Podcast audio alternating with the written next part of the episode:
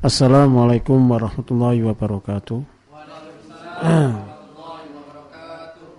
Alhamdulillahirabbil alamin nahmaduhu wa nasta'inuhu wa nastaghfiruh wa na'udzu billahi min shururi anfusina wa min sayyiati a'malina. May yahdihillahu fala mudhillalah wa may yudlilhu fala hadiyalah asyhadu an la ilaha illallah wa la syarikalah la nabiyya ba'da. Allahumma shalli ala Muhammad wa ala alihi wa sahbihi wa man tabi'ahum bi ihsan ila yaumi sa'a wa ba'd. Bapak Ibu saudara yang dirahmati Allah, kita bersua kembali sesuai dengan yang kita sampaikan di kajian Selasa malam dengan rentetan kajian yang diupayakan bisa membantu uh, penyelesaian masalah COVID, baik penyebarannya maupun kesembuhannya. Kenapa diharapkan membantu penyebarannya agar uh, berhenti? Karena kajian ini geraknya adalah mencari ridho Allah Subhanahu wa taala di kajian-kajian ini diharapkan bisa mendatangkan rahmat Allah. Dan ketika rahmat Allah ini turun maka diharapkan pandemi ini bisa menurun. Begitu juga dengan kajian-kajian yang kita hadirkan semoga betul-betul menjadi wasilah saudara kita yang terpapar covid ya menjadi sembuh dan bagi kita yang mengikutinya semoga Allah senantiasa jaga kita dari ya tertularnya virus COVID-19 ini. Dan Bapak Ibu seperti yang sering kita sampaikan bahwa uh, kita syukuri adanya kajian ini karena ini mempertajam keyakinan kita bahwa Islam ini sangat sempurna ajaran-ajarannya untuk kebaikan dunia akhirat kita. Ajaran-ajarannya untuk ya kemaslahatan dunia untuk keselamatan tubuh kita ini jasmani maupun rohani. Al-Quran diturunkan untuk menyehatkan tubuh. Al-Quran diturunkan untuk menyehatkan jiwa. Jadi rohani dan fisik kita menjadi sehat secara keseluruhan kajian ini akan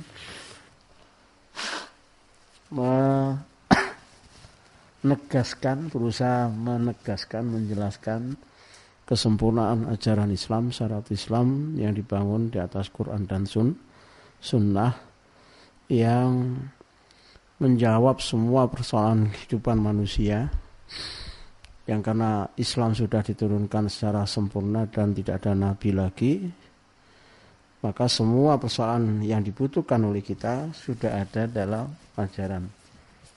Tinggal bagaimana kita mampu menggalinya atau mau menggalinya. Di kajian sebelumnya kita sudah membahas bagaimana melawan COVID yang ideal yaitu dengan apa? Menyertakan iman dan imun sekaligus. Jadi tidak cukup imun ini dibahas di mana-mana. Tidak cukup imun ini hanya ditambah dengan vaksin tanpa apa menyertakan ke keimanan. Dan itu sudah kita bahas. Bahkan kemarin kita sudah bahas bahwa akar selamat akar selamat dari COVID akar terlindungi dari COVID. Akarnya, akarnya penyebab utama seseorang dijaga, terlindungi bukan semata-mata karena apa? upaya diri sebagai manusia, prokesnya, 3M-nya dan seterusnya, atau dia perhatikan imun, tapi justru akarnya dia terlindungi, terjaga, selamat, bah tambahkan saya tambahkan uh, apa uh, hal lain jadi akar yang membuat seseorang itu sembuh dari COVID dan kesembuhan itu Allah berkahi adalah menjaga haknya Allah Subhanahu wa taala. Ya fatka.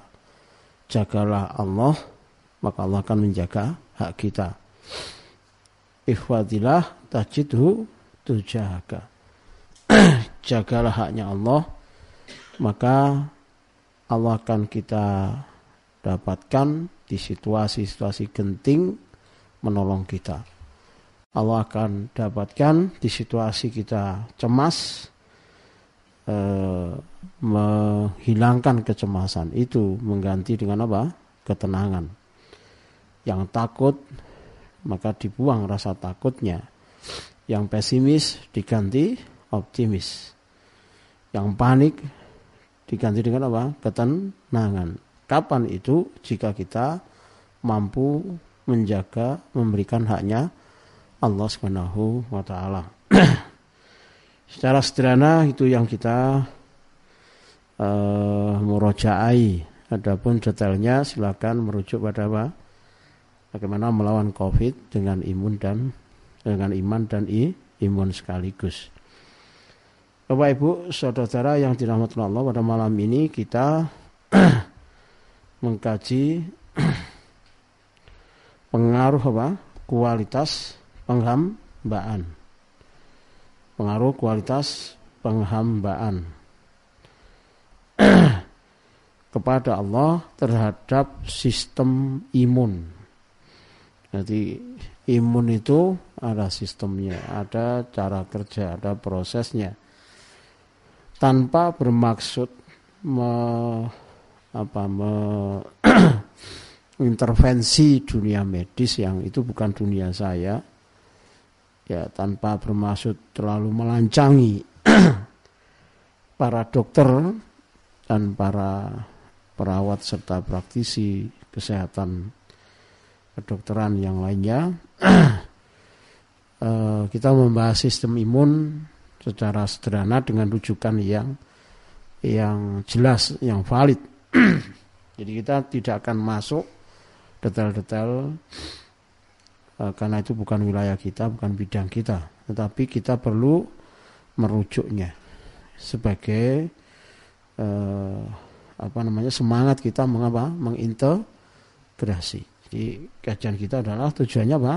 Mengintegrasi, bukan mensekulerkan, bukan memisahkan.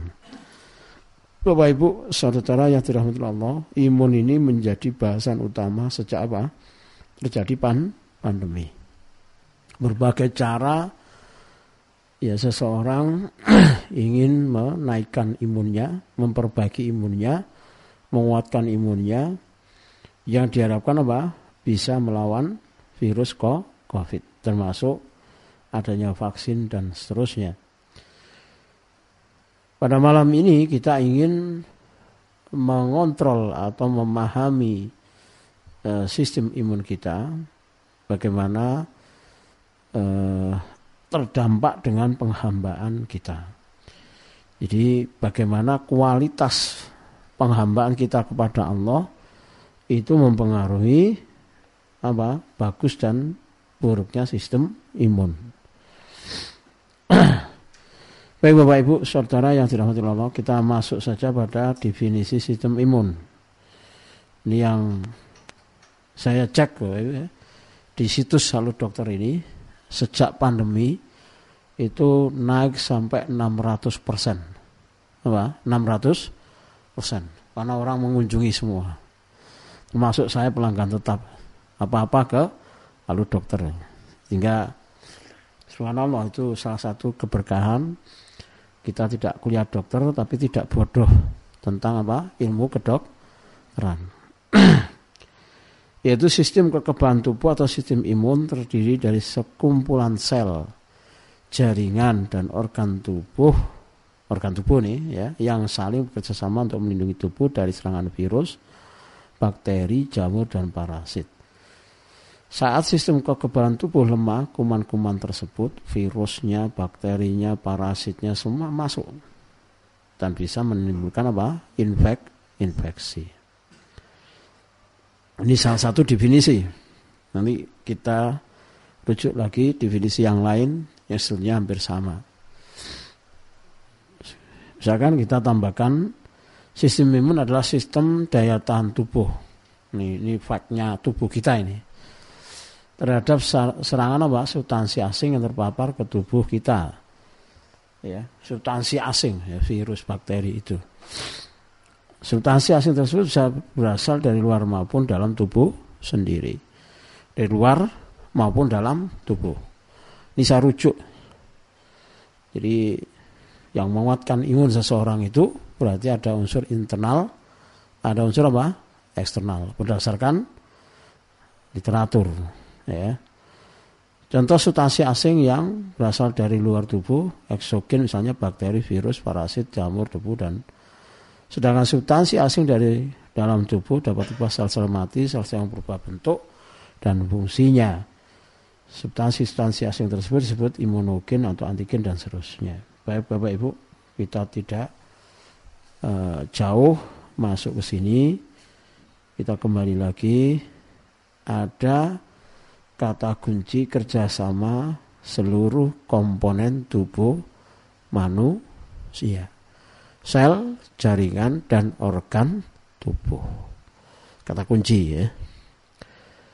Sel, jaringan, dan organ tubuh. Sebab tubuh kita itu satu kesatuan. Sekarang yang sakit ibu jari, yang mengadu mulut, tubuh merasa meriang, ya jiwa kita pun merintih. Itu kan sudah kita kenali. Artinya imun ini juga tidak bisa berdiri sendiri. Dia terkait dengan organ-organ tubuh yang lain. Itu yang kita pahami.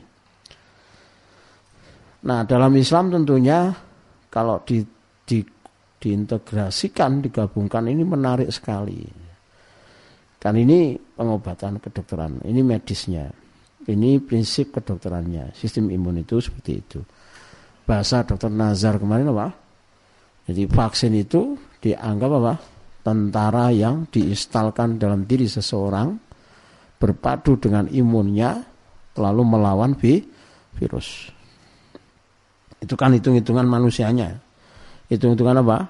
Medisnya, hitungan sainsnya. Nah, kita tambahkan bahwa ada hal lain yang bisa menguatkan imun seseorang jauh lebih besar. Ya, bahkan dia bisa saja tidak membutuhkan apa? Vak, vaksin dan itu sudah uh, terbukti bahwa sebelum ada vaksin banyak saudara kita sembuh tanpa divak, divaksin dengan isoman bahkan dengan dirawat di rumah sakit dengan apa menyelesaikan khataman Qur, Quran. Bahkan ada yang sembuh dengan taubatan nasuha. Dan banyak lagi. Ini nggak boleh dilepas nggak boleh dihilangkan. Fakta yang menjadi teori. Bahwa imun itu bisa naik tanpa vak, vaksin.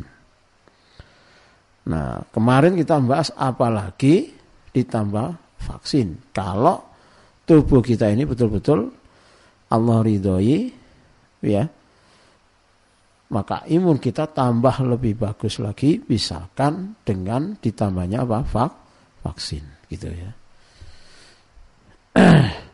Jadi yang harus kita ingat bahwa ternyata sistem imun itu adalah ya produk dari apa? Keterpaduan apa? Seluruh organ tuh tubuh. Ini menarik sekali. Ya. Oke, sementara itu kita uh, jadikan patokan. Lalu penguat imun kita tetapkan Bapak Ibu, penguatan imun imun dari kajian-kajian yang sudah kita tetapkan. Ada faktor internal kalau pendekatan kita ya. Faktor internal adalah faktor kalau tadi apa?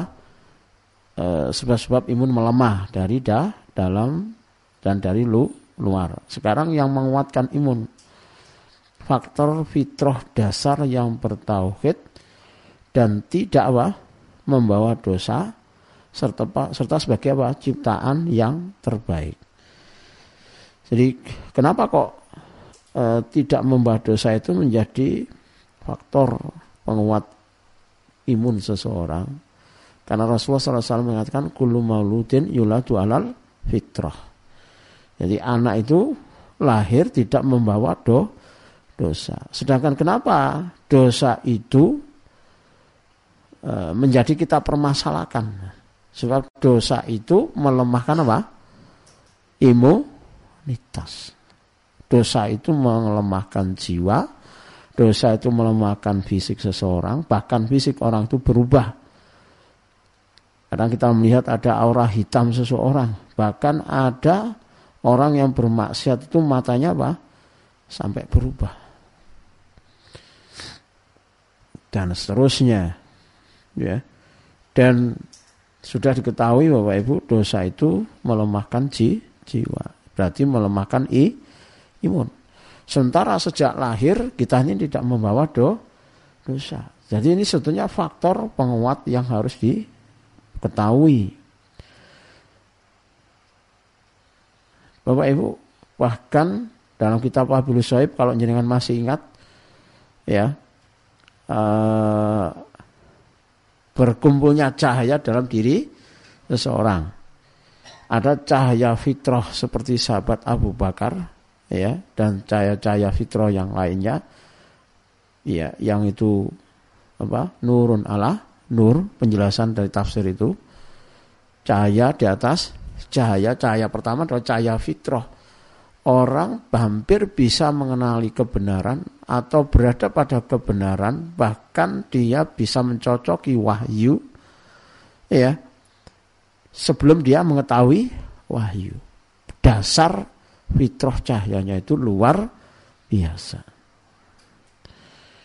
Dari kumpulan tadi ini nomor satu, ini pasti akan membuat imunitas seseorang ba bagus, kuat.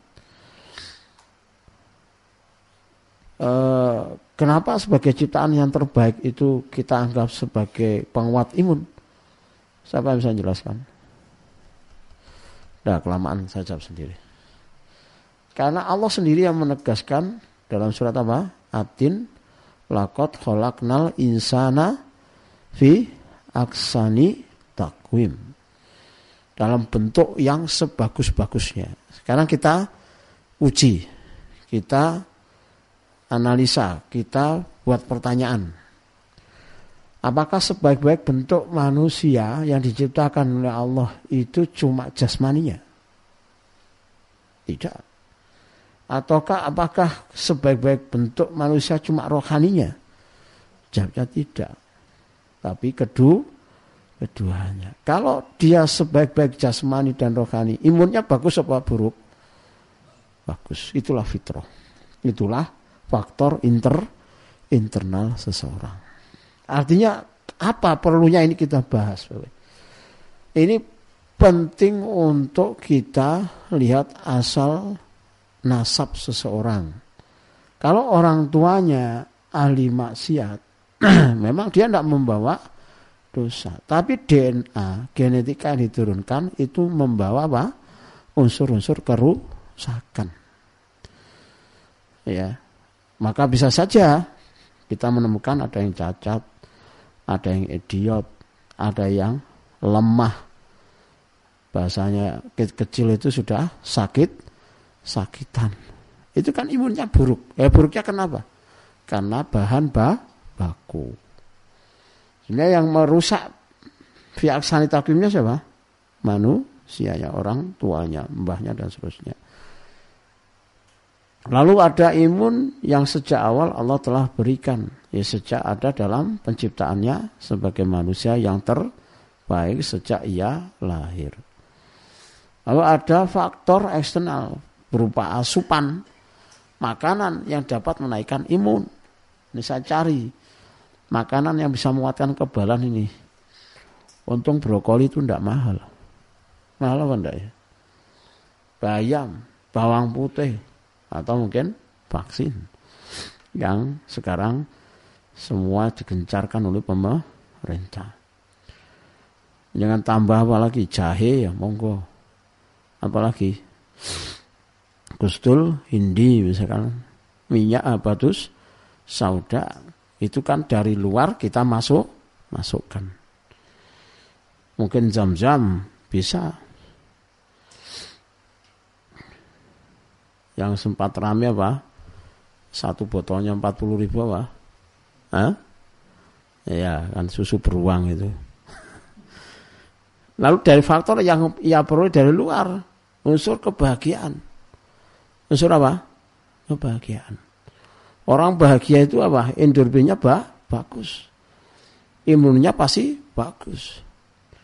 Orang sakit itu kalau dia masih senyum dengan cemberut, mana yang lebih bagus? Ya senyum. Nah sekarang orang sakit apa yang dibawakan? Apalagi kalau kena covid, bisa senyum? Jarang. Yang terjadi, yang terjadi apa? Dia malah senang cemas. Iya kan gitu. Ustadz siapa yang bilang senang cemas? Buktinya kenapa itu diambil? Wong kita punya Allah.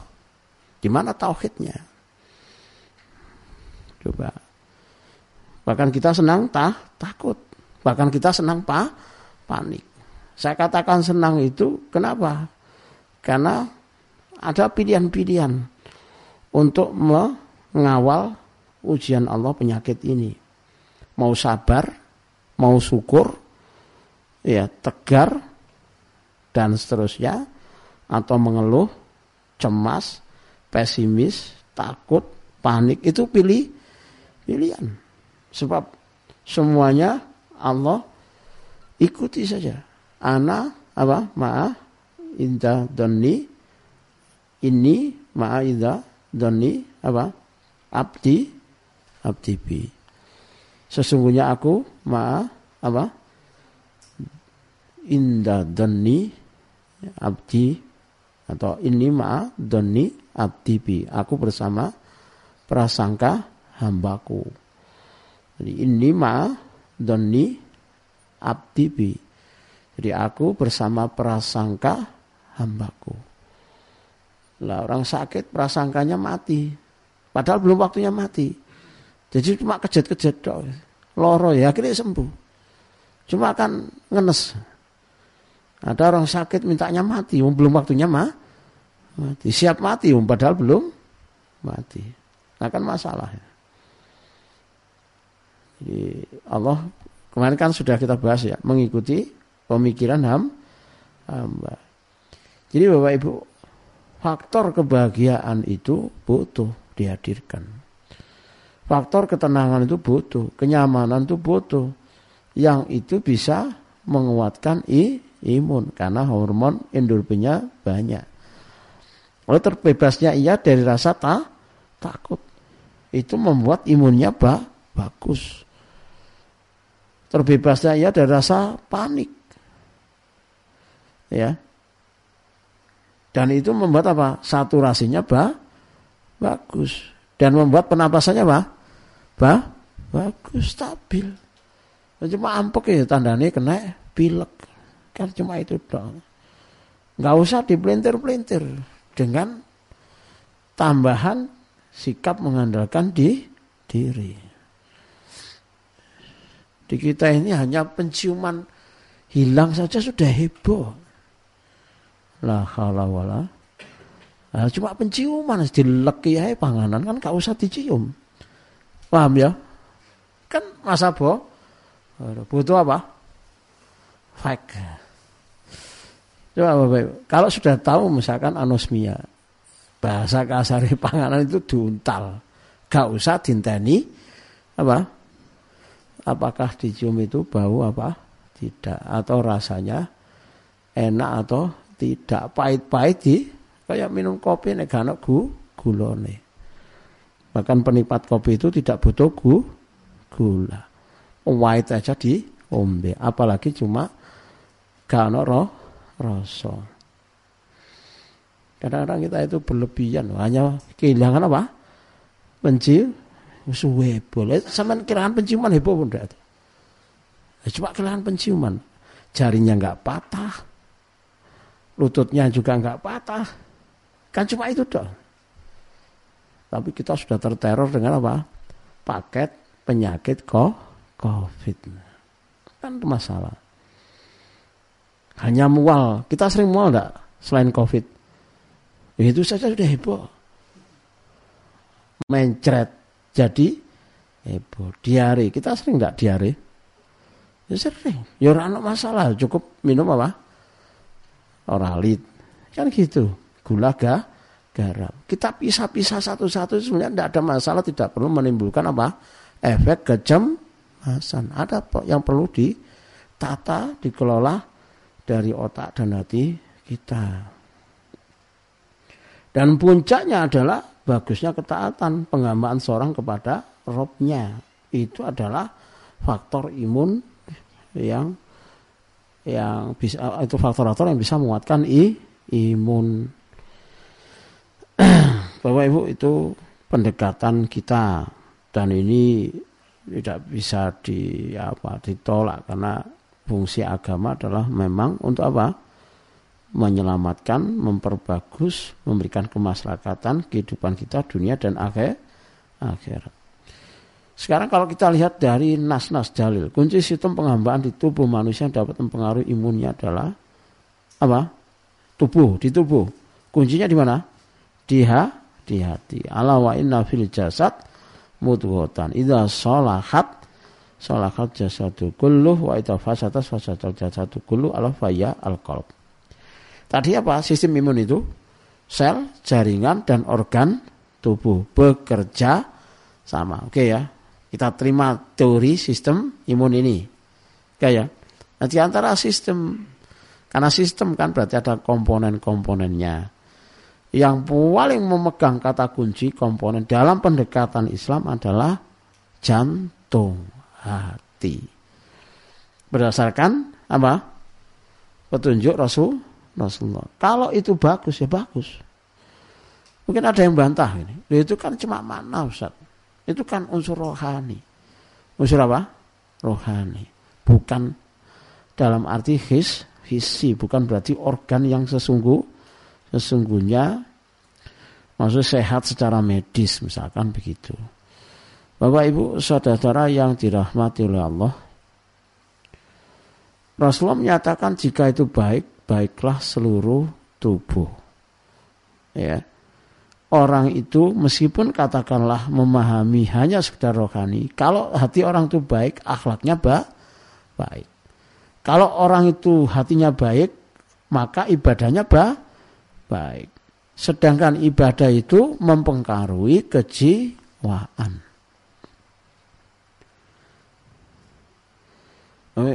orang orang pesimis, orang takut, orang cemas, orang panik itu kalau kita kaitkan dengan ibadah dengan ketaatan baik atau buruk? Baik atau buruk? Hah? Orang cemas, takut, panik. Kalau kita kaitkan dengan penggambaan itu baik atau buruk? Buruk. Itu kenapa? Karena ada sistem penggambaan dia yang bermasalah dan itu sumbernya mana? Dia di hati, di jantung. Artinya bahwa ibu kalau hati orang itu bagus, dia akan ditolong oleh Allah sedemikian rupa. Ketika sakit dia tidak akan cem, cemas. Dia tidak akan takut, dia tidak akan panik. Kenapa bisa begitu? Karena dia punya rasa percaya diri kepada Robnya. Kenapa begitu? Karena dia mentaati Allah. Yakin bahwa Allah menolong dirinya. Yakin bahwa Allah mengetahui dirinya sakit, yakin bahwa Allah menyayangi dirinya dengan sakit COVID itu tidak menggugurkan dosa dosanya. Meyakini bahwa Allah lah yang bisa menolong dirinya, yang bisa mengangkat COVID itu dalam tubuhnya. Dan itu sudah kita bahas kemarin. Jadi kalau kita sekarang kaitkan sistem imun dengan sistem penggambaan, kuncinya di mana? Eh? Loh, tak connect. Terlalu tinggi konsentrasi berpikir. Sekarang kalau kita sedang membahas sistem imun supaya bagus itu, kuncinya kalau dikaitkan dengan Islam itu ada di mana? Bagusnya hati kita, gitu loh. Jadi kunci dari tubuh seseorang yang menghasilkan imun terbaik adalah kalau dalam Islam saya nggak membahas di luarnya adalah bagusnya hati seseorang. Gitu loh.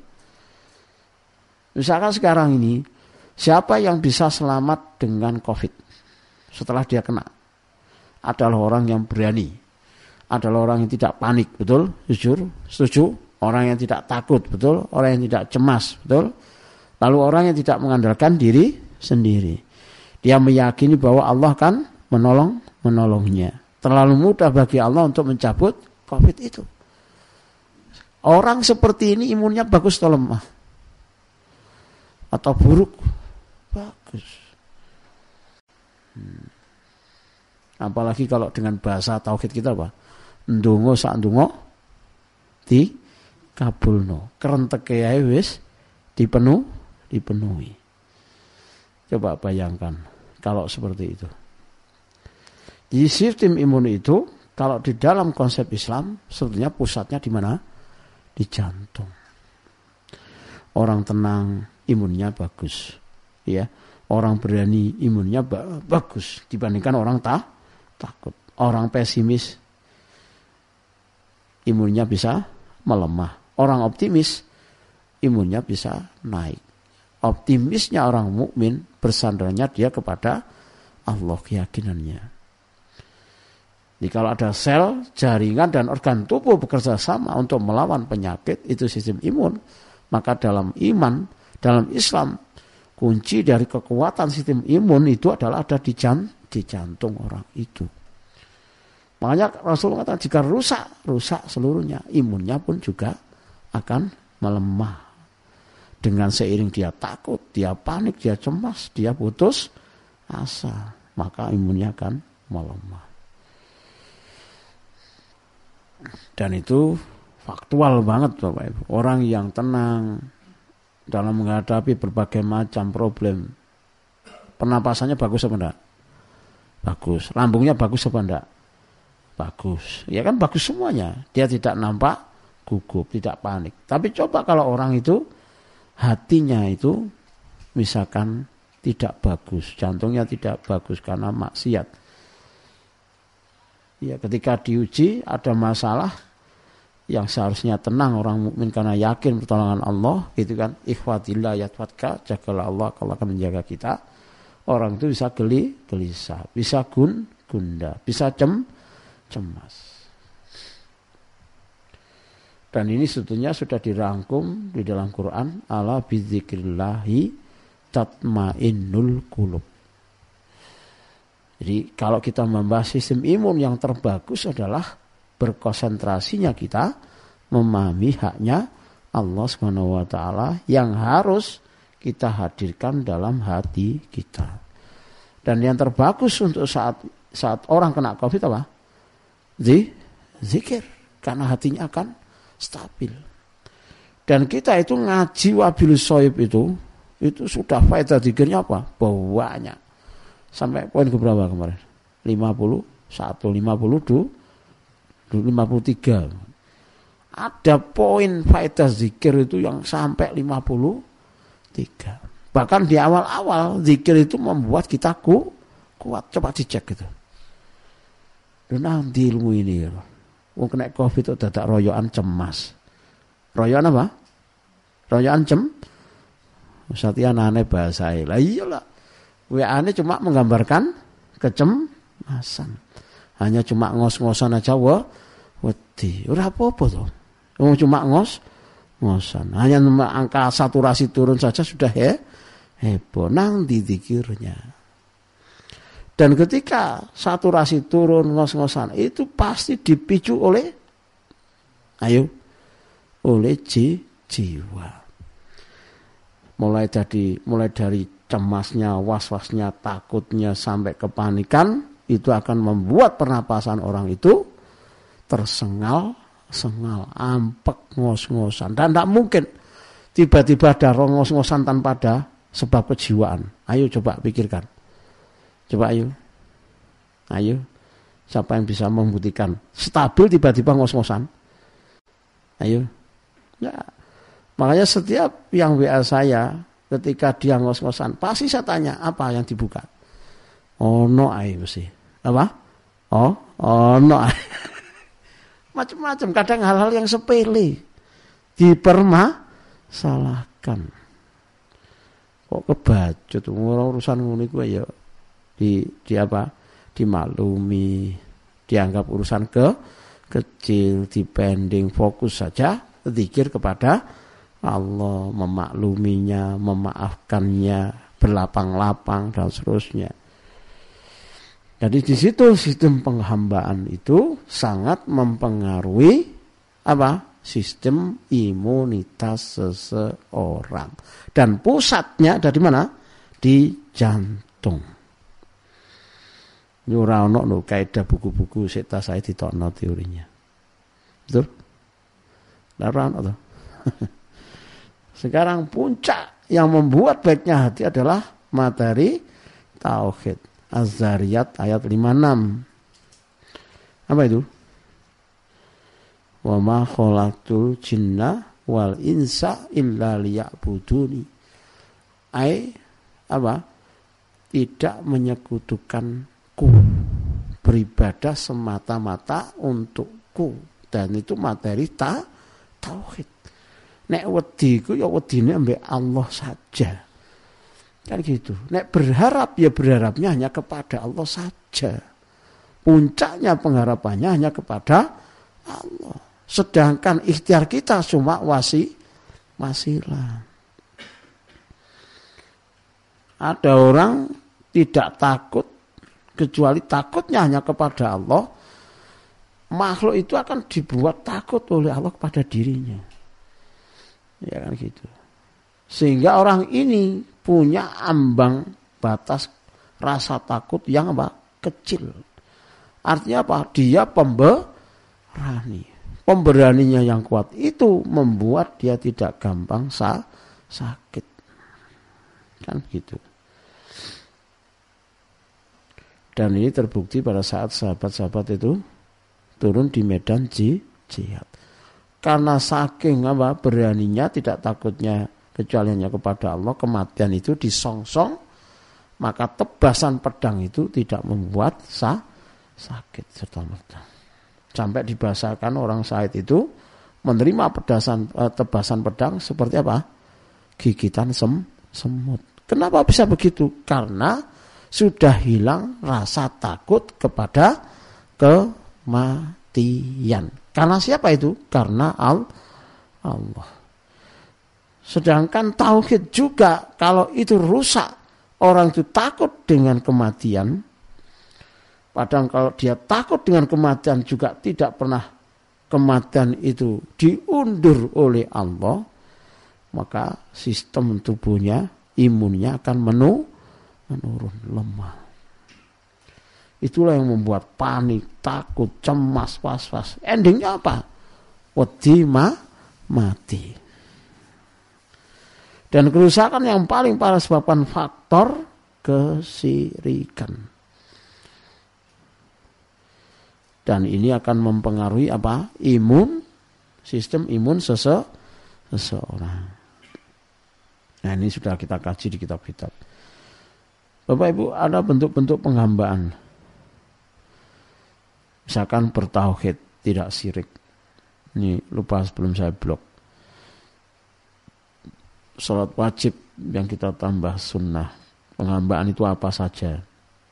Tilawah Al-Quran, doa dan zikir, bertaubat, birul dan sedekah, puasa, kesabaran, kesyukuran. Itu bagian dari apa?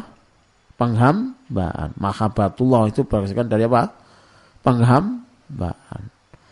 Lalu semua yang dilarang-larang itu kita jauhi. Semua akan memperbaiki hati dan mengajak semua bagian tubuh, sel jaringan, organ-organ tubuh bersama dengan baik untuk membuat sehat, menguatkan kekebalan tubuh atau daya imun melawan penyakit. Contoh, contoh ya. Pada saat puasa, ini tolong dicatat di garis besar ya. Pada saat puasa, kalau puasa itu yang syar'i, yang ideal, puasa apa? Maksudnya di tubuh ini puasa apa saja yang dilibatkan. Kemarin sudah di Ramadan itu puasa otak dan hati. Kan gitu. Jadi kalau orang puasa otaknya puasa pikirannya benar, dijauhkan dari yang keliru, hatinya juga sama. Semua tubuhnya itu diajak taat kepada sistem imunnya taat kepada itu. Ya taat. Sebab sistem imun itu terdiri dari sel, jaringan, dan organ sekarang selnya diajak taat, diajak puasa, jaringan diajak puasa, organ tubuhnya dijajak sistem imunnya. Bah, bagus. Karena itu waktu Ramadan awalnya lemes, lama-lama puasa biasa. Sistem imunnya tambah kuat. Bahkan mungkin di antara kita tidak sahur tidak ada masalah. Misalkan kerinan, sahurnya hanya kurma, air putih, tidak ada masalah. Kenapa begitu? Karena sistem imunnya membah, membaik. Nah sekarang ini melemah karena ketakutannya, karena kepanikannya, karena melihat banyak terpaparnya orang kena pandemi dan mati. Berarti yang diserang apa itu? Faktor ketakutan.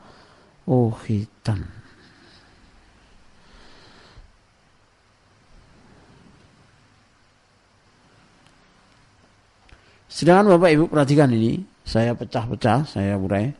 Pengaruh penghambaan yang bagus, terutama disebabkan karena tauhid dapat. Tadi itu kan sejumlah penghambaan itu, ya tadi nyambung apa enggak ini? Kan jadi kan enggak kuat konsentrasi ilmunya gak iso connect ini. Ini musalsal teorinya saling mengkait. Nek gak nyambung juga iso. Bisa apa enggak ini ditangkap dulu. Ini bentuk-bentuk penghambaan di antara bentuk-bentuk penghambaan yang mengajak sel tubuh ini semua taat sama Allah adalah faktor tauhid paham ini Pelan-pelan dulu ya, tak toto ini jelaskannya. Genah-genah loh. Kita ini mungkin kurang dong dan kurang paham karena serangan bukan virus covid tapi serangan virus ngan ngantuk melemah melemah melemah soalnya aktivitas oh otak makanya kopinya dimi diminum hari ini ada hakiko enggak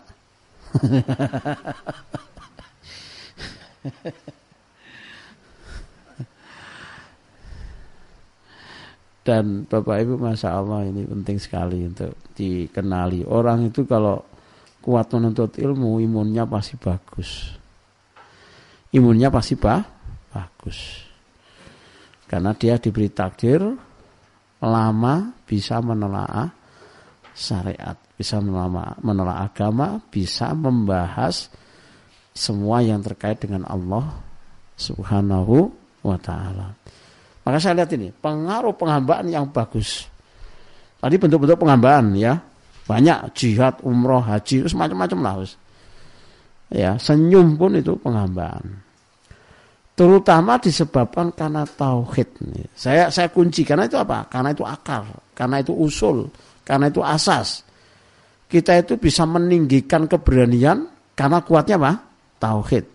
Kita ini bisa meninggikan derajat sabar karena kuatnya tauhid. Kita ini bisa meninggikan kesyukuran karena kuatnya tauhid. Kita ini bisa senyum kena covid itu gara-gara tauhidnya ku kuat. Kan telusuri kayak apa pun orang was-was takut panik itu menggambarkan tauhidnya lem lemah. Sudah mau dibantah kayak apa pun sudah itu nggak boleh. Kenyataannya takut mah mati. Di situ secara sederhana. Sedangkan orang mukmin itu kaidahnya apa? Kul inna solati wa nusuki wa mahyaya wa mamati lillah. Oh mati ini kanggo Allah. Lu kok wedi mati? Pasti dijawab orang mukmin karena belum siap Ustaz. Ya tak tanya nih, mau berapa tahun lagi? Kapan siap-siapnya? Ora kira siap-siap. Pasti apa? dosa yang dijadikan argumentasinya. Itu yang terbaik. Yang lainnya apa? Nggak siap meninggalkan apa? Keluar keluarga. Nggak siap meninggalkan apa? Harta benda dan seterusnya. Enggak nyawang bojone semendal. Ya kan gitu. Nyawang pasangannya semendal. Lihat anaknya kena semendal. Semua semendal, semendal, semendal. Tahu semendal? Gak tahu. Iki Jawa banget semendal ku nelongso, madel semendal. Ora terus-terusan. Dikala ada momen sedih itu. Saya sampai harus menerjemahkan bahasa Jawa barang. Kembali ke tauhid. Tauhid itu ya salah satu bentuk penghambaan, ya pengaruh penghambaan yang bagus untuk imun, gitu loh ya yang terbaik adalah materi ta, tauhid. Itu dapat apa? Satu, membentuk kepribadian yang baik. Apa kepribadian baik itu? Pemberani.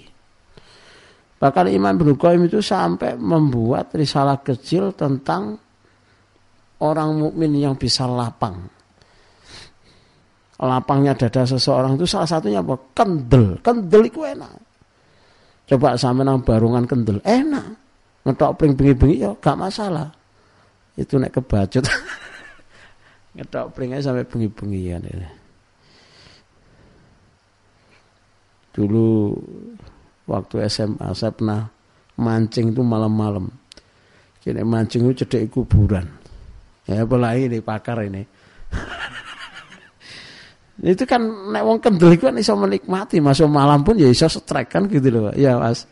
Ayo gawe coba nek wong penakut mancing mesti awan tok bengi wis mau mulai ya, pemberani itu enak.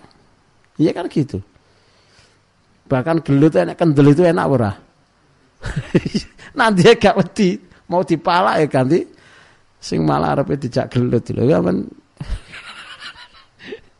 dan seterusnya. Pemberani itu enak kan gitu loh. Lapang dan seterusnya. Lalu pemaaf, karakter tenang, tidak terburu-buru itu enak, tidak paranoid. Orang yang ikhlas, tawakal yang bagus, tidak traumatik, tidak pendendam, itu enak semua. Orang tidak pendendam karena dia tahu yang menghadirkan kedoliman orang siapa? Allah. Orang tidak traumatik karena takdir buruk itu datangnya dari Allah. Bahkan kita sudah berikan materi agar takdir buruk diberkahi. Lu pakai kajiannya di mana kafe itu. At-ta'ni minallah. Tenang itu dari Allah. Al-istijal minas syaitan. Dulu sok wong seneng gopo-gopo, terburu-buru, cemas, gerasa gerusu, tidak bagus. Maka tauhid itu luar biasa. Dan tauhid ini baru membuahkan perubahan dalam diri seorang kalau dia amalkan. Bukan hanya dipelajari secara te teori. Makanya sekarang ini yang kena covid dites. Ngajinya itu sesuai dengan kenyataannya beda. Kan gitu. Iya ujian. Ujian praktek. Jajar lulus apa magang. Jadi Covid itu sarana mah magang, tester tahu gitu orang. Ya, karena itu itu penting ya. Satu. Ini sistem imun akan bagus. Kedua akan menguatkan jiwa. Menguatkan jiwa artinya bisa saja jiwa seseorang tadinya tidak terlalu ku, kuat. Tapi dengan tauhid yang ia yakini, yang pelajari, yang peroleh, itu kuat. Tidak gampang takut, tidak mudah cemas, tidak mudah putus asa, tidak mudah panik, tidak gampang sedih, tegar, kuat, optimis, sama isi dewi. Itu kekuatan tak tauhid jiwa. Kalau sudah poin satu, poin dua, saya tanya, sistem imunnya gimana? Bagus atau buruk? Ba? Bagus. Enak atau notong ini teorinya. Iya kan? Enak apa enggak ini? Ya enak. Teorinya. Prakteknya. Ya berdoa sama Allah.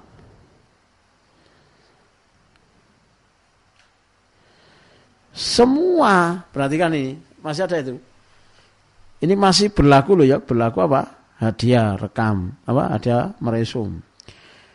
Dan jangan dituduh saya ini seperti orang lagi promosi vaksin dulu ngawur banget tuh orang-orang terus dikira kita itu apa ada dana dari pemerintah ngono ta ya apa tuh mikire iku duit-duite dhewe rumah dakwah wis gak nyumbang nuduh mana wis wis megeliati ya lah iya kita itu punya inisiatif ya yang ngesakno di musim pandemi ekonomi lemah. Di mana-mana orang mengatakan ekonomi itu turun. Lalu kayak hadiah meresum pikirannya negatif. Ya apa tadi? Wah, wah, wah, wah. Itu harus minta maaf ke saya itu. Sudah menuduh itu. Apalagi ngajinya enggak serius dari awal sampai akhir. Wah, itu yang imunnya ru, rusak. Kenapa? Karena mudah su sudon. Semua poin di atas sangat mempengaruhi daya imunitas, kekebalan tubuh seseorang dalam melawan penyakit. Apa kuncinya? Ta, tauhid. Sistem imun kita itu sudah ngajari loh ya. Sistem tauhid itu diambil dari mana? Dari fitrah dasar alas tu birobikum kolu bala syahidnya. Orang manusia dilahirkan ini seharusnya manusia yang bertauhid. Sejak dia di alam roh sudah disumpah oleh Allah alas tu birobikum kolu bala syahidnya. Bukankah aku ini Tuhanmu, Robmu? Roh jawab apa? Kolu bala syahidna. Betul-betul kami menyaksikan. Terus itu dikembangkan dengan dia ngaji, dengan dia taat dan lain sebagainya dan puncaknya ada pada materi ta tauhid. Lalu terbentuklah kepribadian-kepribadian seperti ini. Bagus. Ingat ya Bapak Ibu ya. Jangan semata-mata jenengan katakan orang alim, orang soleh, lalu memiliki dampak ini. Apa itu? kendel ya dan lain-lainnya itu loh. Sebab ada orang alim penakut ada enggak? Banyak. Itu zaman dulu kok kayak kiai mati loh, aku raro. Lah kenapa kok mati? Kalau ternyata pemicunya adalah ketakutannya, was-wasnya, cemasnya, paniknya. Kalau itu yang terjadi, maka sebutan kiai tidak menjamin orang itu pemberani.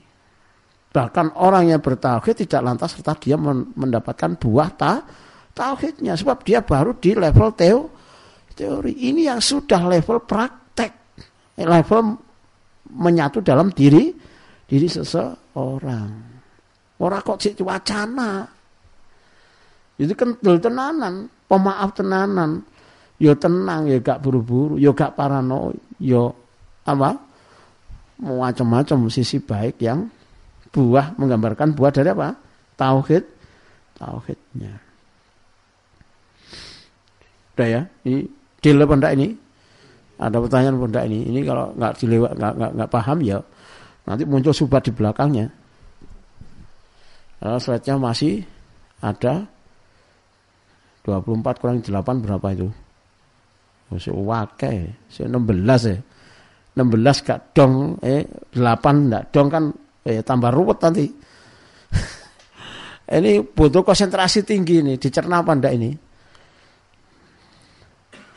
Jadi nanti jangan jangan bingung ono saya meninggal atau itu karena kita kan mampu lihatnya kan dohir. Batinnya kan dia tidak tahu. Betul enggak? Betul kan? Mungkin ada orang yang hafid Quran meninggal dan sebagainya. Ini terlepas bahwa ada hikmah-hikmah yang lain. Tapi Bapak Ibu, kemarin kan kita sudah bahas bahwa penyakit COVID itu apa fokusnya di pernafasan. Sedangkan orang panik itu juga akan merusak pernafasan. Orang takut dia akan mempengaruhi saturasi pernapasan. Ini bisa aja pada orang alim, bisa pada Gus Kiai Ustad. Sebab itu tidak menjamin apa orang alim, orang soleh, Kiai Gus Ustad itu apa? Punya keberanian, punya ketenangan, tidak takut, tidak panik, tidak cem, cemas. Dohirnya, labelnya apa? Bisa saja ulama. Dohirnya, labelnya bisa Kiai Gus Ustad. Itu dohirnya. Tapi batinnya, Apakah keilmuannya, kesolehannya itu melahirkan poin-poin ini? Sopo sing Ayo. Betul? Hmm. Jadi tidak ada masalah, tidak ada subhat tentang itu. Tapi bahwa teori ini benar, bahwa tauhid itu menyebabkan bisa orang jadi pemberani macam-macam ini, lalu membuat imunnya kuat, kan ini bisa diterima. Betul? Masuk akal logis sekali. Sebab selama ini yang membuat saturasi orang itu turun gara-gara apa? Kecemasannya. Karena apa? Karena pernapasan yang sengol-sengol, yang ampek sehingga saturasinya tuh turun. Ya, itu salah satunya. Bisa saja memang dia kelelahan secara fisik saturasinya juga tetap tuh turun, oksigennya turun. Kan kita sudah biasa kelelahan. Bahasa dehidrasi, mes semaput. Mes semaput itu saturasinya banyak, Pak. Dikit. Nah, dikit itu kan juga tidak perlu dibahas COVID. Dulu kan biasa kayak gitu. Iya kan? Iya. Nah, teori ini kan diterima. Betul kan? Ya, nggak ada masalah kan. Kalau ada yang nggak terima ya ayo diskusi. Sebelum saya melangkah ke slide-slide yang berikutnya. Dah, sementara anggap saja semua menerima. kan penak tuh. Nanti kalau nggak terima tanya saja. Antara sistem iman dan sistem imun. Hukum asal atau sistem iman kita ganti apa? Sistem penghambaan. Pengaruh kualitas penghambaan. Hukum asal fitrah manusia diciptakan dalam kondisi terbaik. Quran surat ke-95 apa? Surat Atin ayat 4. Terbaik dalam sisi apa? Jasmani maupun rohaninya. Terbaik dalam apa? Sistem imun imunnya. Selama tidak dirusak. Penciptaan terbaik ini meliputi jasmani dan rohani. Di mana bekal rohani adalah bekal bertauhid. Quran surat apa? Al-A'raf. Ketujuh itu ayat 172. Apa bunyinya? Alastu birobikum kolu bala syahidna. Paham Bapak Ibu? Ini, ini saya bangun nalar berpikirnya paham ini. Dari pendekatan sistem keimanan kita nanti akan mempengaruhi sistem imun seseorang. Penciptaan terbaik bermakna terbaik pula sistem imunnya, sistem tubuh dalam melawan penyakit dan mempertahankan kesehatan tubuh fisiknya. Benar apa enggak ini? Ada yang protes bahwa lakot kholaknal insana fi aksani takwim itu cuma rohani. Wow, berani-beraninya. Melecehkan apa? Penciptaan Allah manusia ini. Atau cuma fisiknya, rohaninya tidak. Bagaimana kita membantah kalau rohaninya tidak itu? Siapa yang bisa? Oleh beras, oleh beras 5 kilo. Ayo. Apa bang pertanyaannya? Ada pertanyaannya raru. Oksigennya melemah, ini saturasi zaman mudun. Iya. Jadi apa yang menjelaskan bahwa rohani seseorang itu masuk dalam pembahasan lakot nal insana fi aksani takwim. Apa sih dudono kok kok ustadz ini kok iso-iso ngomong bahwa rohani seseorang itu masuk pada definisi aksani takwim. Jawabnya ini surat ketujuh surat apa tadi? Al-A'raf ayat 172. Ketika Allah itu menyumpah roh alastu birobikum kalu bala syahidna gitu loh jadi bi aksani takwim itu adalah yo wapik luruse fisiknya juga rohaninya.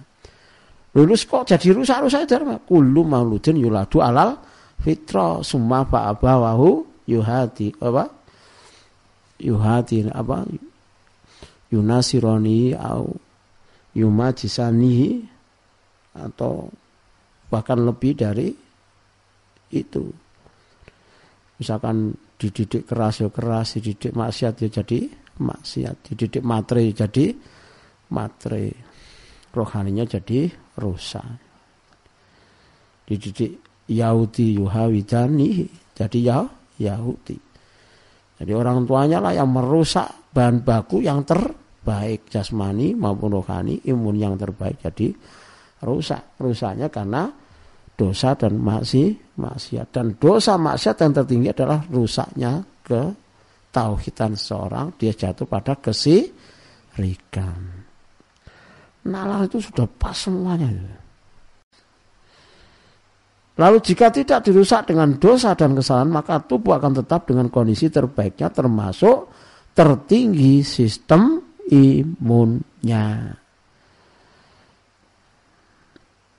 Jadi pengaruh kualitas penggambaan terhadap sistem imun itu luar biasa. Dalam sejarah banyak contoh seorang yang daya imunnya sangat ku, kuat. Siapa itu yang terkenal? Nabi Ayub alaihi salam. Wa Ayub itna darobau anni masaniyad durru wa antar kamur rahimin. Doanya diijabai menurut riwayat setelah 18 tahun. Ada riwayat yang menyatakan 7 tahun, 7 bulan, 7 hari dan seterusnya. Intinya Nabi Ayub diuji luar biasa. Apa dengan hanya mengentakkan kakinya keluar air dibuat minum, dibuat mandi, dibuat minum sem sembuh. Begitu juga dengan kekuatan menahannya apa sakitnya seorang tabiin Urwah bin Yuber. dengan apa? Diamputasi tanpa ada bi bio. Sistem imunnya bagus pada Bah, bagus. Bapak Ibu, semakin taat seseorang, semakin berat diuji dan semakin kuat daya imunnya. Itu realnya loh ya. Semakin taat semakin berat diuji. Dan itu ada pada para nabi. Makanya para nabi paling ku, kuat. Nabi Ayub termasuk yang paling kuat. Sehingga daya imunnya paling kuat. Itu kalau orang diuji dengan sakitnya Nabi Ayub ya sudah mati sejak dia parah. Tapi Nabi Ayub itu bisa bertahan belasan tahun. Kenapa bisa begitu? Karena ada imun yang kuat yang itu apa? Dibangun dari tauhid apa?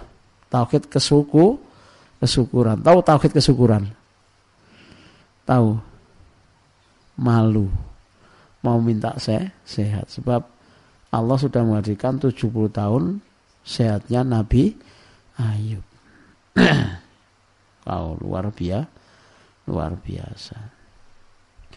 Bapak Ibu, kalau orang itu taat dan ketika diuji, diturunkan musibah, kena penyakit, pasti diberi paket pertolongan.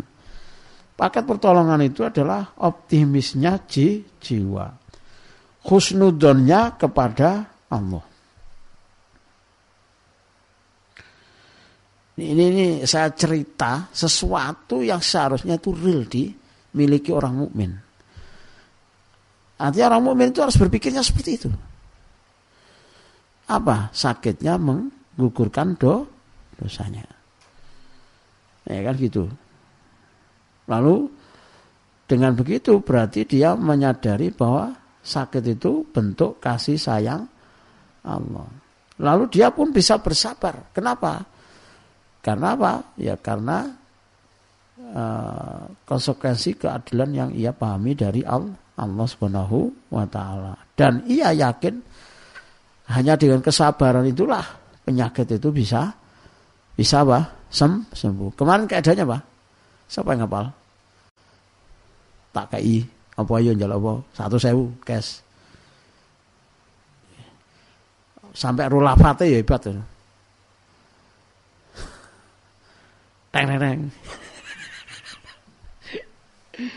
Ini kalau jangan serap itu masya Allah. Innan nasra ma'as. Bahwa pertolongan itu bersama kesabaran. Oh diuji loro lu ayo rasa sabar kok. Siping piro to loro nih? 14 di dino. Ya kan 14 dino, belum sampai petung tahun. Dan ya petung tahun. Jadi apa ya? Tulang berulang itu masalah. Niatkan ya Bayu talarot julu ala khasbiti ini, ini loh ini ilmunya. Orang itu diuji berdasarkan tingkatan apa agamanya. Nah agama itu ujiannya ya titik no. Kenapa kok bisa gitu? Itu kebijaksanaan Allah Masa agamanya itu ujiannya berat. Lalu kenapa kok yang sedikit itu terasa berat? Ya karena imannya sedih, sedih. Ketika di di wis mun munte gitu lah. Wa in kana di apa dinuhu saluban, saliban.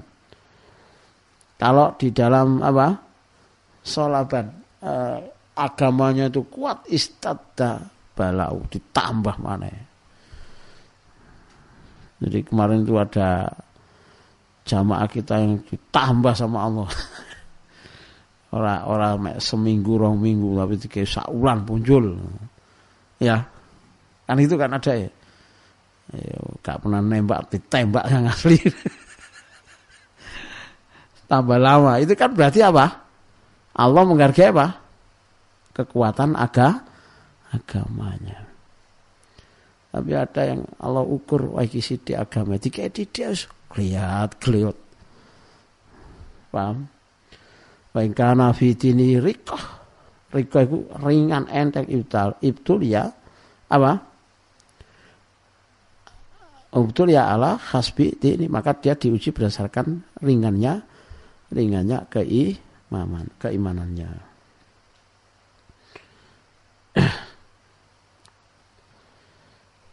Nah, ini ini kaidah loh Bapak Ibu. Berarti kan ini fama yafrahu al bala'u bil abdi hatta yatrukahu apa yamsi alal arti ma'alahi khoti'ah. Orang itu tidak akan berhenti ujiannya sampai apa? Dia tidak membawa satu kesalahan pun. Makanya sahabat atau tabiin dulu sampai niteni apa? Tabi tabiin itu niteni dosa iki mesti ana walesane ini wolong tahun. Oh ini gitu loh. Ini ini kalau kita diterapkan hadis ini apa? Bisa saja tiap hari dapat uji ujian. Kenapa? Karena jumlah waktu umur kita dengan dosa yang kita kerjakan bisa saja terlalu banyak do dosanya. Sehingga ujian tiap hari gitu loh. Bisa kurang.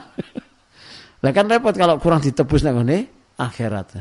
Kan masalah itu. Ya, adapun kenapa banyak ulama dan kiai yang wafat karena Covid? Oh, subhatu tak jawab begini. Apa? Ya, karena sisi hikmah yang Allah saja yang tahu. Bisa saja bahwa kematian bagi mereka dengan Covid itu lebih baik. Husnul khotimah. Istirahat dari kesalahan dan fitnah hidup. Enak apa enggak? Ya enak. Tidak masalah. Itu bukan berarti daya imunnya lemah. Tidak. Memang Allah yang menetapkan ajal seseorang. Bapak Ibu kan bisa enggak imunnya tinggi mati? Oh, bisa. Kalau kan pentol iso enggak?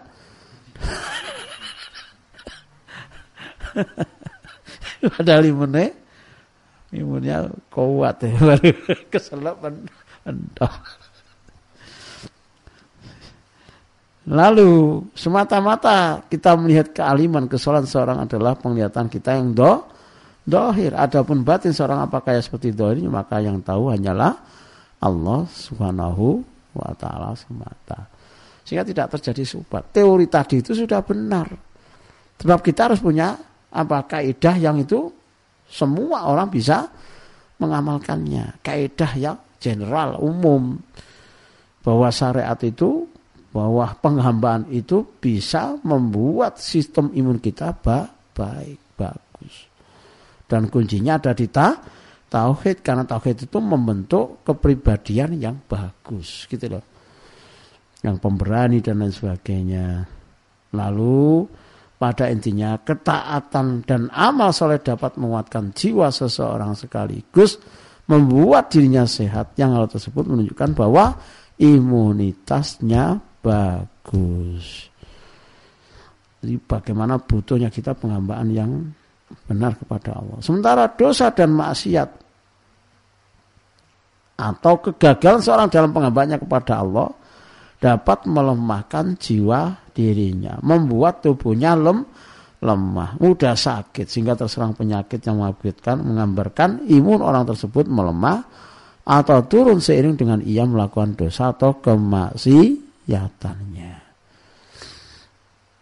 Sudah ini kaidah yang sudah apa e, mudah dicerna dan itu faktual gitu loh Bapak dalam kitab ada wadawa itu Imam Dukoim itu mencatat efek-efek dosa yang banyak.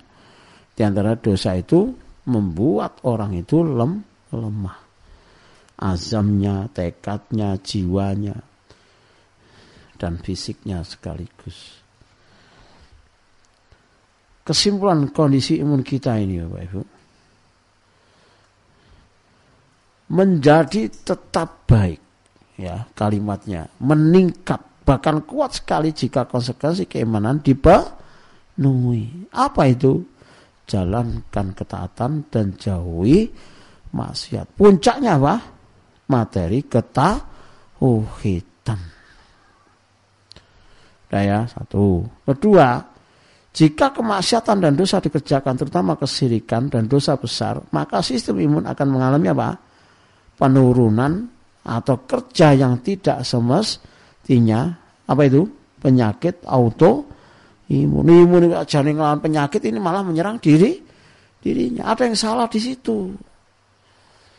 Atau bertambah kuat imunitas kita hanya saja kuatnya untuk kebu burukan karena bantuan cincin yang masuk dari dosanya. Ini orang yang fasik CS sampai orang yang non muslim. Sampai membanding dulu itu non muslim kok kuat-kuat kok sehat-sehat Itu jawabannya di nomor du, dua. Jadi ada orang melakukan dosa tambah ngedrop, imunnya buruk, tambah ada yang tambah dilulu sama Allah. Si nantang-nantang mlebu neraka itu nah itu tuh. Wong wis dosane numpuk kok ya kuat. Ada kan? Ada? Lu dosa kok tambah imunnya tambah api. Di lu lu lu. Paham ini? Supaya nggak jadi subat.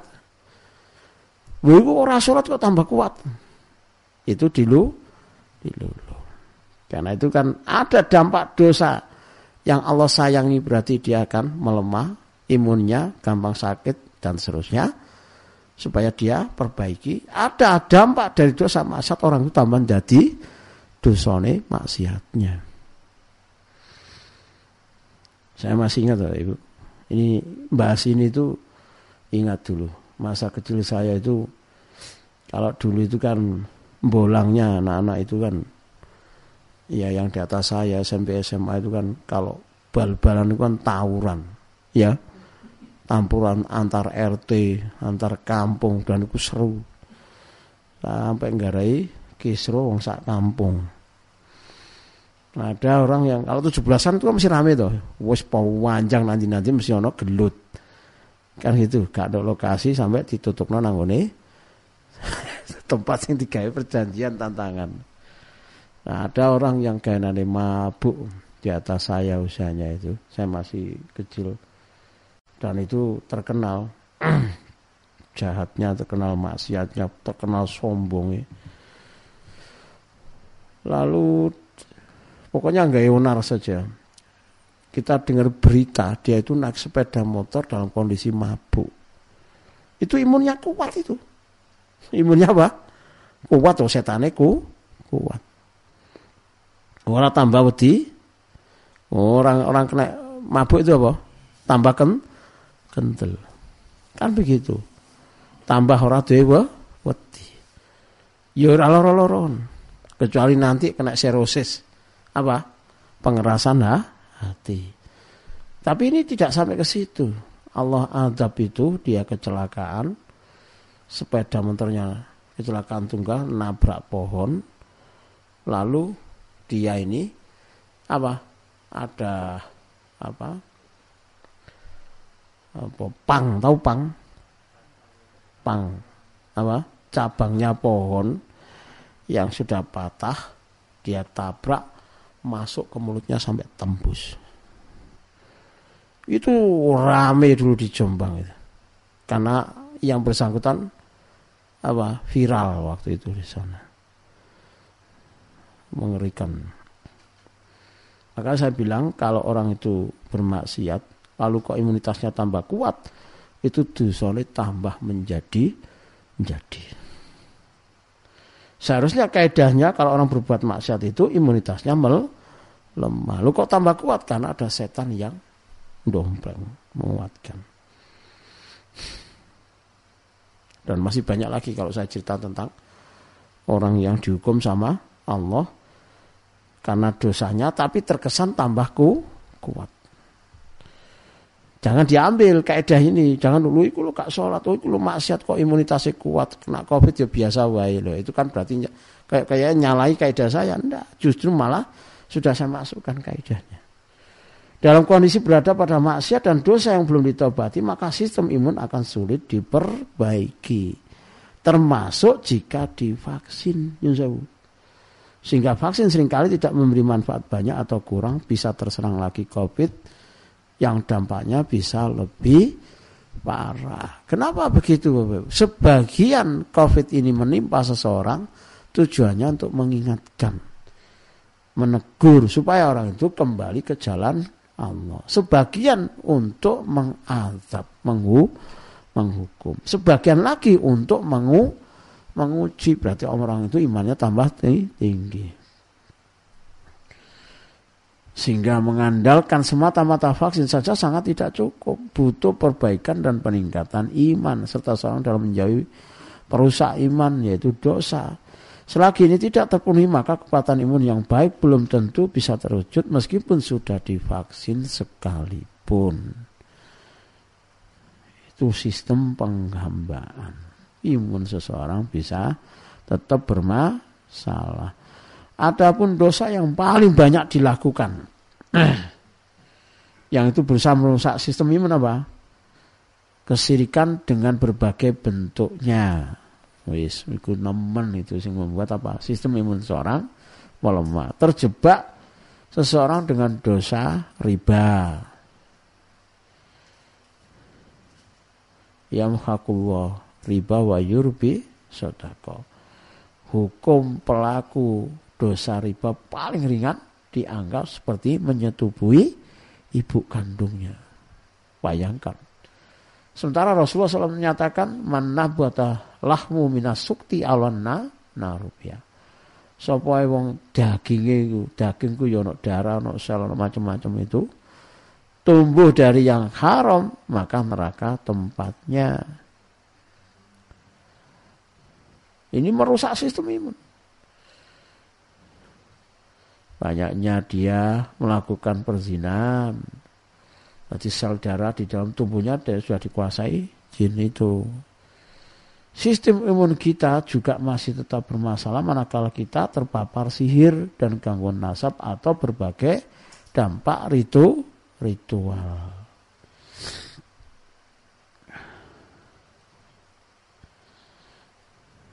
Ini penting Bapak Ibu ya, penting ini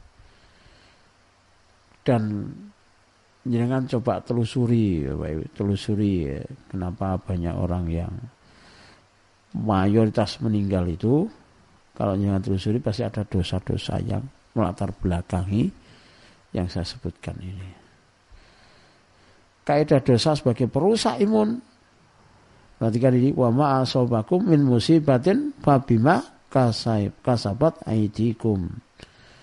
Ini musibah itu turun sistem imun kita rusak gara-gara bima kasabat aidikum. Kita nggak bisa melawan COVID, virus COVID gara-gara karena dosa yang kita lakukan. Mama yusibul mukmin apa min wasobin wala nasobin wala sakomin wala khazanin hatta apa atau hatta alhama yuhammuhu illa kafarobihi min sayiatihi sampai bentuk-bentuk kecemasan dirinya ya itu akan menutup do, dosa-dosanya. Jadi dosa itulah yang akhirnya apa?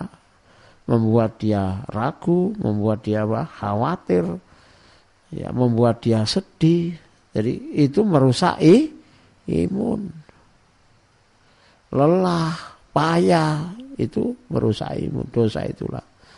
Mana jala balaun illa bidambin wala rufa'a balaun illa bita bitaubat. Ini adalah kaidah-kaidahnya. Bagi orang mukmin rusaknya tauhid karena sebab kesirikan merupakan sebab terbesar rusaknya sistem imun, kekebalan tubuh dari virus COVID dan virus atau bakteri penyakit yang lainnya. Udah hampir jam 9 ya. Sistem imun adalah bagian dari manual book kesempurnaan manusia. Manual book tahu manual book? Ono cara menggunakan HP itu manual book ha, HP kan gitu nah ini dirusak ya Wong HP itu sajane kalau dicelupno banyu HP saya loh ya. walaupun ada HP yang malah kudu dicelupno banyu sing larang-larang itu biasanya dicelupno banyu oh ini HP yang tidak boleh kena air terus tak kena banyu kira-kira tambah api atau tambah rusak ya tambah rusak manusia yang terbaik dengan dasar penciptaannya jasmani rohani dirusak dengan dosa Berarti manual booknya apa? Iya ru, rusak. Attention. Apa attention ini? Hah? Perhatian. Sekali-sekali bahasa Inggrisan. Satu. Jadi perbaikan imun agar bisa melawan virus COVID harus dimulai dari koreksi pemenuhan hak Allah yang telah dilanggar dengan tau taubat. Nanti kaulnya Ibnu Qayyim kita kita buat sebagai penutup. Lalu bukan semata-mata upaya kita apa pun itu yang tidak melibatkan Allah di dalamnya. Ini yang kita bahas sekuler, sekularisme, material sekuler, materialisme. Sembuh dimulai dari langit bukan dari bumi. Karena Allah lah sejatinya yang dapat menyembuhkan semua penyakit. Adapun selainnya hanyalah wasilah. Ojo digedekno, ojo diwalik. Jangan kemudian wasilahnya jadi penentu. Vaksinnya jadi penentu. Imunnya jadi penentu. Bukan. Yang menentukan adalah keyakinan kita kepada Allah dengan tauhid tadi itu. Maka imun kita menjadi bagus bisa mengusir COVID. Vaksinnya pun menjadi maksi maksimal pengaruhnya gitu loh.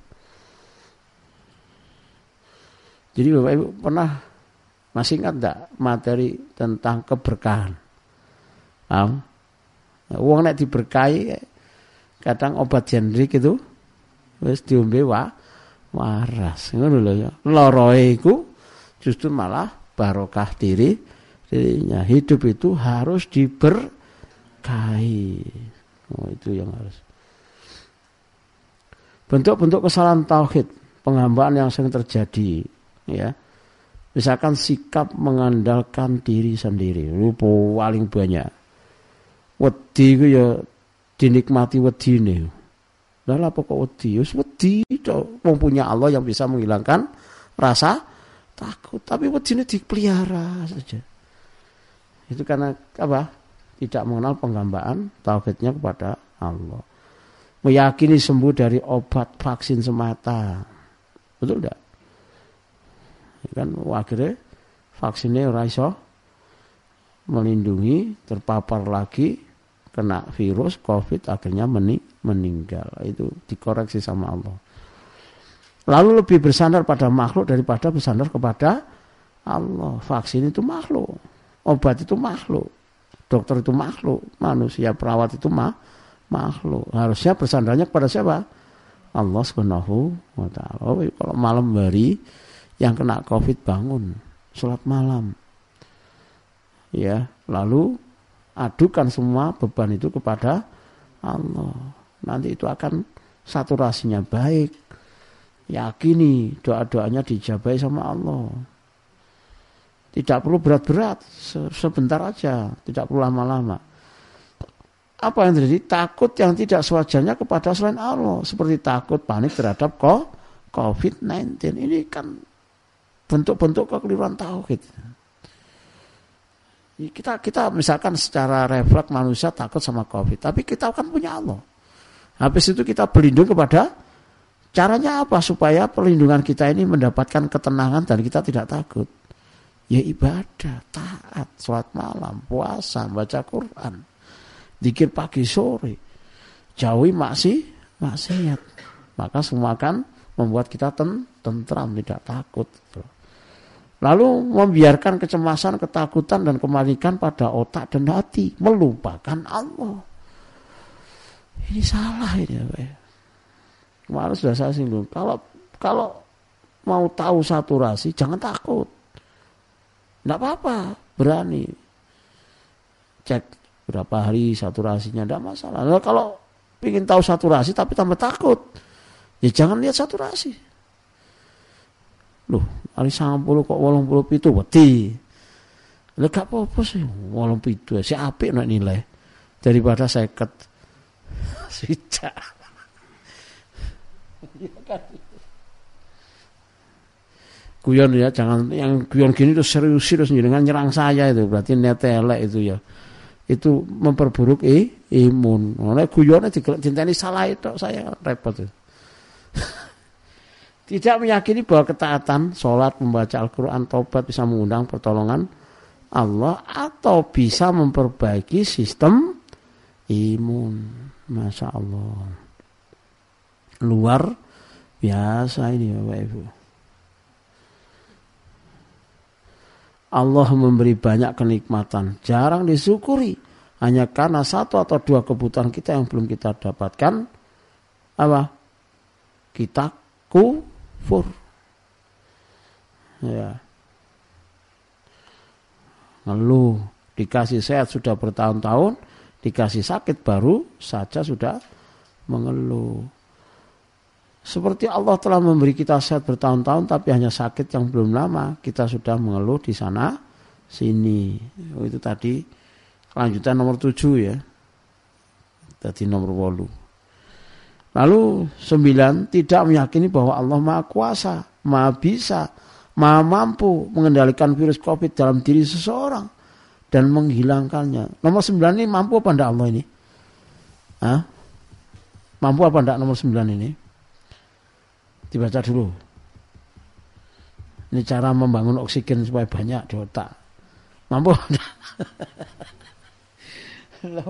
Geni sing sak gunung ae dadi adem, lautnya ditutuk lo apa? Tongkat terbelah. Ora kok pring tepuk lo ya. Kok ditutuk pring tepuk itu sirik mana? Tahu pring tepuk. Ring sing petuk cabangnya itu didol larang. Diyakini punya kekeramatan jin yang masuk. Kalau kalau kita yakin Allah itu maha semuanya bahkan covid itu Allah yang ciptakan kan tenang.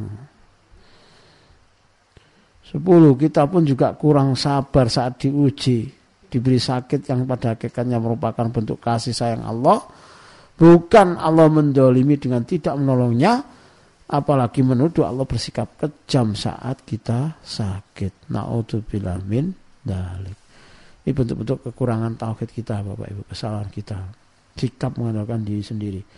Poin-poin di atas ini menjadi sebab Allah kurang ridho mencabut ujian sakit COVID kita. Tolong digarisbawahi. Atau sakit yang lainnya sehingga imun kita tetap bermasalah. Tidak mampu mengusir penyakit mesti divaksin sekali Gus. Understand? tum, Paham? Ngoh? Dong? Atau oksigennya turun? Terakhir Bapak Ibu, cara memperbaiki imun yang turun dengan sistem penghambaan adalah dengan taubat sebagaimana pernyataan dari Imam Ibnu wal abdu. In ghayyarul in ghayyarul maksiata bitaati ya menungso iku hamba iku. Nek dhek gelem merubah maksiat yang telah dilakukan dengan ketaatan wis pokoke melakukan kebaikan gitu ghayyara al uqubata ghayyara al uqubata Allah akan rubah bil afiyah dengan keselamatan. Bebas dari Covid, sembuh. Wadul apa? Bil isi. Ghayara Abdullah apa? Bil izzi.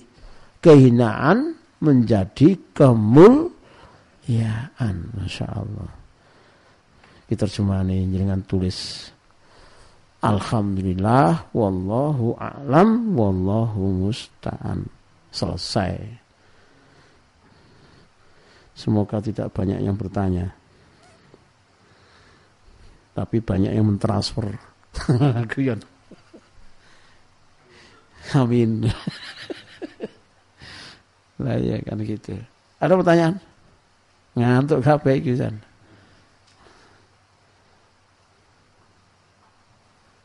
Ini ada pertanyaan, ya sudah kirim ke saya ya. Eh, Assalamualaikum warahmatullahi wabarakatuh. Ustaz Afwan, Ana ada pertanyaan. Kalau setiap kali kita melakukan ibadah kemudian setelahnya selalu buang angin, apakah indikasi gangguan jenis keluar mohon pencerahannya? Tidak. Ini bisa saja bentuk kecemasan kita, was-was. Karena was-was cemas itu bisa efeknya ke keluar angin atau bisa juga memang kalau dulu kita sering minum-minum ritual atau dirituali bisa saja begitu. Jadi bisa saja dari dari bentuk itu. Tapi kalau ini mengganggu saat kita batal, itu gangguan. Artinya gini, uang angin ini kan macam-macam. Kalau membatalkan sholat itu kalau apa? Kalau terdengar apa bu bunyi atau tercium ba, bau. Tapi kalau cuma meletup dok teruskan saja sholat itu. Gitu loh. Wallahu a'lam bishawab. Ada lagi?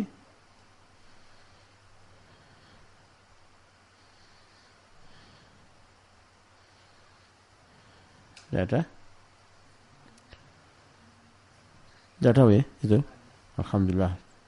Baik Bapak Ibu kita cukupkan Ya, semoga kita dijaga oleh Allah dari penyebaran Covid ini.